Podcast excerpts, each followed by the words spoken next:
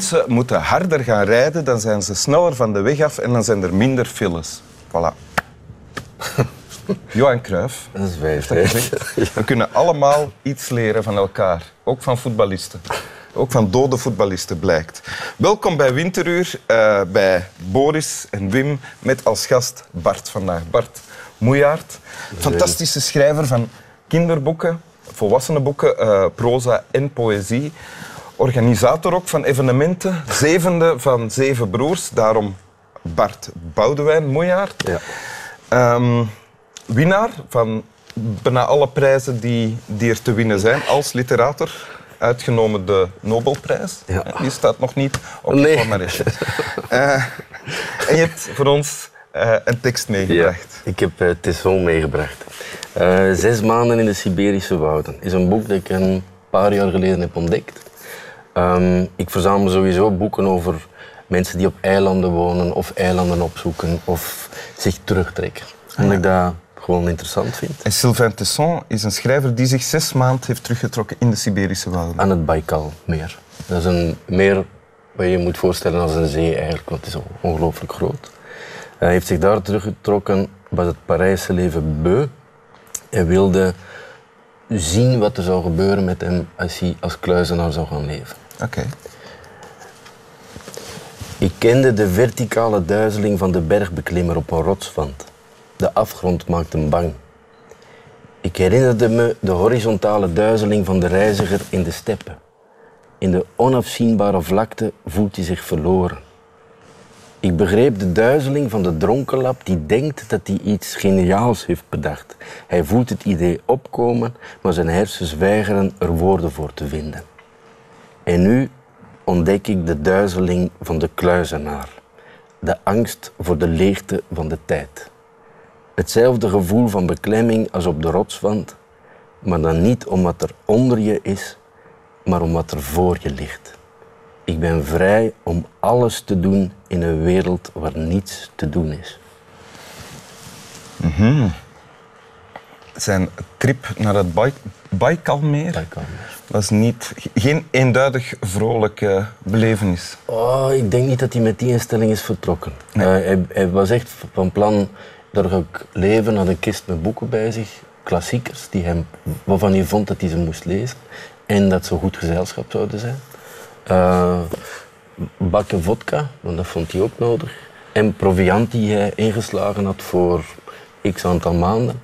Want hij wist wel dat er nog andere mensen verderop, en dan bedoel ik kilometers verderop, woonden. Dus die zou je wel opzoeken. Zo ook eh, Zijn buren waren dat dan. zijn buren. Eh, En wat treft jou hieraan? Ehm, het feit dat ik zelf, toen ik twintig was of zo, voor mezelf iets geïnstalleerd had, dat ik elk jaar één week zou wegtrekken naar een plek waar weinig mensen zijn. En dan koos ik een plek die eh, in Ierland, Schotland, eh, die bijna geprikt had op de, op de landkaart. Vanaf je twintigste was je elk jaar Zo één week lang een Ja. soort kluizenaar. Ja, in januari meestal. Ah, ja. Omdat hij dan geen toeristen tegenkomt. Het meeste, de meeste zaken zijn gesloten. Eh, en ik had die verstilling nodig. Vaak was het aan, zee trouwens. Je ze- och, en jezelf tegenkomen bij de grootste, stomzinnigste angsten. In de gids staat er een, een rij kliffen.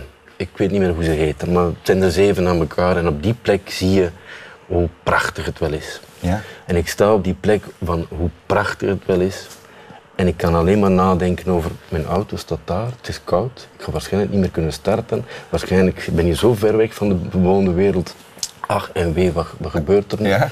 En ik heb dat, dat, dat mooie beeld ja, wel gezien, maar niet geregistreerd. Maar je merkt op het moment zelf dat dit gebeurt, of ja. niet? Ja. En ik heb zulke, noem het, lessen nodig om mezelf op de vingers te tekenen en te denken, Bart, houd toch op met die, met die belachelijke angsten. Wat is het ergste dat kan gebeuren? Dat je te voet terug moet, weet ik veel. En door die, die weken jaarlijkse retraite, Ja? ehm, ehm, waar ik iets uit oppikte, eh, heb ik ook die Tesson ontdekt. Maar ook het feit van, uh, er waren hele volle, volle, volle periodes, zoals het stadsdichterschap in 2006 en 2007, Ja? waar ik zelf gemerkt had toen ik aan het werk was als stadsdichter, want we gaan dit voluit doen, dat ik veel te vaak had gedacht wat mensen van mij verwachten. En dat zal ik doen. Want wat, wat moet een stadsdichter Of doen? wat jij denkt dat mensen van ja, jou verwachten. Ja, wat nog erger is Ja. zelfs. Want dat is tamelijk verstikkend, vond ik, tenminste mer- merkte ik zelf. Eh, ik kreeg ook rugproblemen, echt een, een hernia-operatie. En dat, dat spreekt voor zich, want al het gewicht van de wereld rust op je schouders, dat zal wel. En na die periode had ik het geluk dat ik een uitnodiging had om naar een schrijvershuis in eh, New York te gaan, in de state New York, vlakbij de stad. Eh, dat wist ik. Dat het midden in de heuvels lag, met tien schrijvers van verschillende nationaliteiten. Ja? En ik zou een maand kunnen gaan werken. Plus dan heb ik er een tien dagen aan vastgeplakt. In, Dus dat was opnieuw een uh, vooruitzicht naar een maand kluizenaarschap Ja. na een hele periode dat dat er niet meer was Oh, geweest. het, eh, ja, een hele periode die eh, te veel mensen waren. Te veel stemmen, te veel meningen. En eigenlijk zelf niet meer weten welke mening je echt hebt. Ja. En door in New York te zijn, ik had een, een appartement gekozen aan, in, in Hartje, Manhattan. Je ging eerst naar New York voor je... voordat ik naar Ja, schrijvershuis oké. zou gaan. Eh, want ja, ik was er dan toch. Appartement gekozen eh, in, het, in dat drukke hart van de stad. En heel vaak dingen, je, je gaat inkopen doen, ongeveer midden in de nacht. En eh, je beseft van, god, die winkel, het is nu 11 uur en ik sta een krop sla te kopen. Van, alles gaat door elkaar. Ik bezoek musea en ik besef weer, zoals in Guggenheim, een tentoonstelling van Rieneke Dijkstra. Prachtig werk.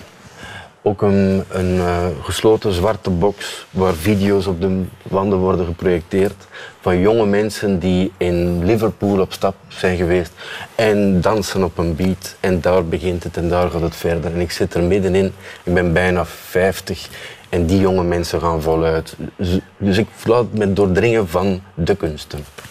En na een uur of twee denk ik, nu ga ik verder, nu ga ik de stad verder bezoeken. En ik ga die lange spiraal, of die Guggenheim is zo opgebouwd. En kom bij de uitgang en ik besef, de toeristenklok. Ik ben, ik ben aan het doen alsof ik twee uur ergens mag zijn en dat ik volgend straks weer twee uur ergens Was dat een woord dat je op dat moment binnenviel? Dat is de zo- toeristenklok? Dat is een, ik denk dat iedereen, iedereen Zo van, ik moet mijn programma afwerken, Ja. ik moet dat en dat en dat en dat gezien de. Michelin-gids heeft gezegd dat ik nog anderhalf uur Ja. te spenderen heb. Waar wij mee lachen als we het Japanners zien doen, eh, zit ook in ons. Ja, dat- ik denk dat... Of toch in jou. Ja. Ja. In elk geval heb ik het daar beseft dat het in mij zat. En dat heeft iets veranderd. Ja, ik ben terug naar boven gelopen.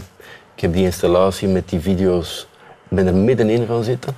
Maar heel erg bewust van, kijk, mij eens alleen zijn en dingen beseffen. Tot uh, emotioneerde toe van, wat doe ik? Voor een werk van Rieneke Dijkstra gaan zitten, wat mij al had, had gepakt. Mijn iPad genomen en een schets gemaakt. En dat doe ik graag, dat is zo'n soort van dagboek. Dat je in direct contact staat met wat je aan het tekenen bent en schrijven bent. Met je vinger. Met je vinger, ja. Ja. Eh, en dan De te wijsvinger. met, met deze wijsvinger. Ja, besef je niet. Ja. Eh, dat ligt voor mij dingen vast. En ik heb, ik weet niet hoeveel tijd daar gespendeerd, maar dat deed me goed. En st- stom genoeg heb ik het op dezelfde dag nog eens beseft. Ik steek over, Koekenheim. eh, Maar, maar ik ja. even onderbreken. Dus wat je, wat je nu zegt, eh, is verwant aan wat er hier gezegd wordt in deze tekst. Ja. Want het gaat over eh, iets loslaten. En daarvoor moet je een soort kluizenaarschap een tijd lang opzoeken. Ja, alleen kunnen zijn. Ja. En als je dat doet, dan word je wel geconfronteerd met anderen. Als je alleen gaat zijn, dan ben je daar met jezelf alleen. Ben je daar dan niet bang voor? Of ervaar je dat als... Mm, ik ben niet bang voor het alleen zijn. Ik ben veel banger voor. Ach, stel je voor dat ik dit zoon zou zijn Ja? en dat ik die zes maanden aan Baikalmeer. Ik denk dat ik eh, de vodka zeker zou nodig hebben. En dat ik ook bang zou zijn hoe diep dat ik wel terecht zou kunnen komen. Ah, ja. Dus dit zou je niet doen? Dit zou ik willen kunnen doen. Ah, Oké. Eh, en ik bewonder dat iemand die dat gewoon doet en die stap zet. En ook alles laat komen wat er komt. Ik zou het durven, maar de stap zetten doe ik maar niet. Zou, zou je de mensen niet missen? Gewoon kun, je kunnen delen? Nee. Nee. Oh, nee. Nee. Ik heb wel gemerkt, ja, dat zijn maar tien dagen New York, maar het genot van te zitten tekenen of schrijven aan een bar in, een, in Elizabeth Street, dan had ik mijn plek gevonden, maar dat was structuur, hoera. En dan zelf beslissen aan die bar, als er iemand naast je komt zitten, van ik ga wel praten of ik ga niet praten. En de, de, de rust die dat ook geeft. Zelf beslissen in tegenstelling tot gedwongen voelen om te Ja, beginnen praten. want we, zijn toch sociale beesten, dus we, we moeten contact leggen. En wie weet ga ik iemand interessant leren kennen. Ja. Nee, nee Bart, eh, leer maar eerst jezelf eh, terugkennen.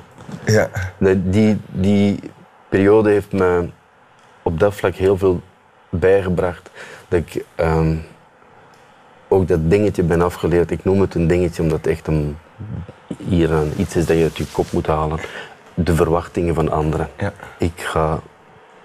Ik vind dat een soort van ziekte. Te, te doen wat een ander verwacht. Ja.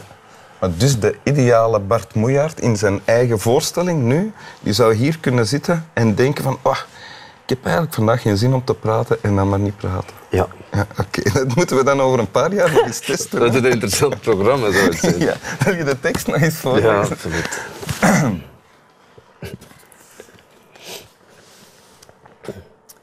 Ik kende de verticale duizeling van de bergbeklimmer op een rotswand. De afgrond maakte hem bang. Ik herinnerde me de horizontale duizeling van de reiziger in de steppen. In de onafzienbare vlakte voelt hij zich verloren. Ik begreep de duizeling van de dronkenlap die denkt dat hij iets geniaals heeft bedacht. Hij voelt het idee opkomen, maar zijn hersens weigeren er woorden voor te vinden. En nu ontdek ik de duizeling van de kluizenaar, de angst voor de leegte van de tijd. Hetzelfde gevoel van beklemming als op de rotswand, maar dan niet omdat er onder je is, maar omdat er voor je ligt. Ik ben vrij om alles te doen in een wereld waar niets te doen is. Ik vind dat een fantastisch quote. Dank u. Alsjeblieft. Slap wel.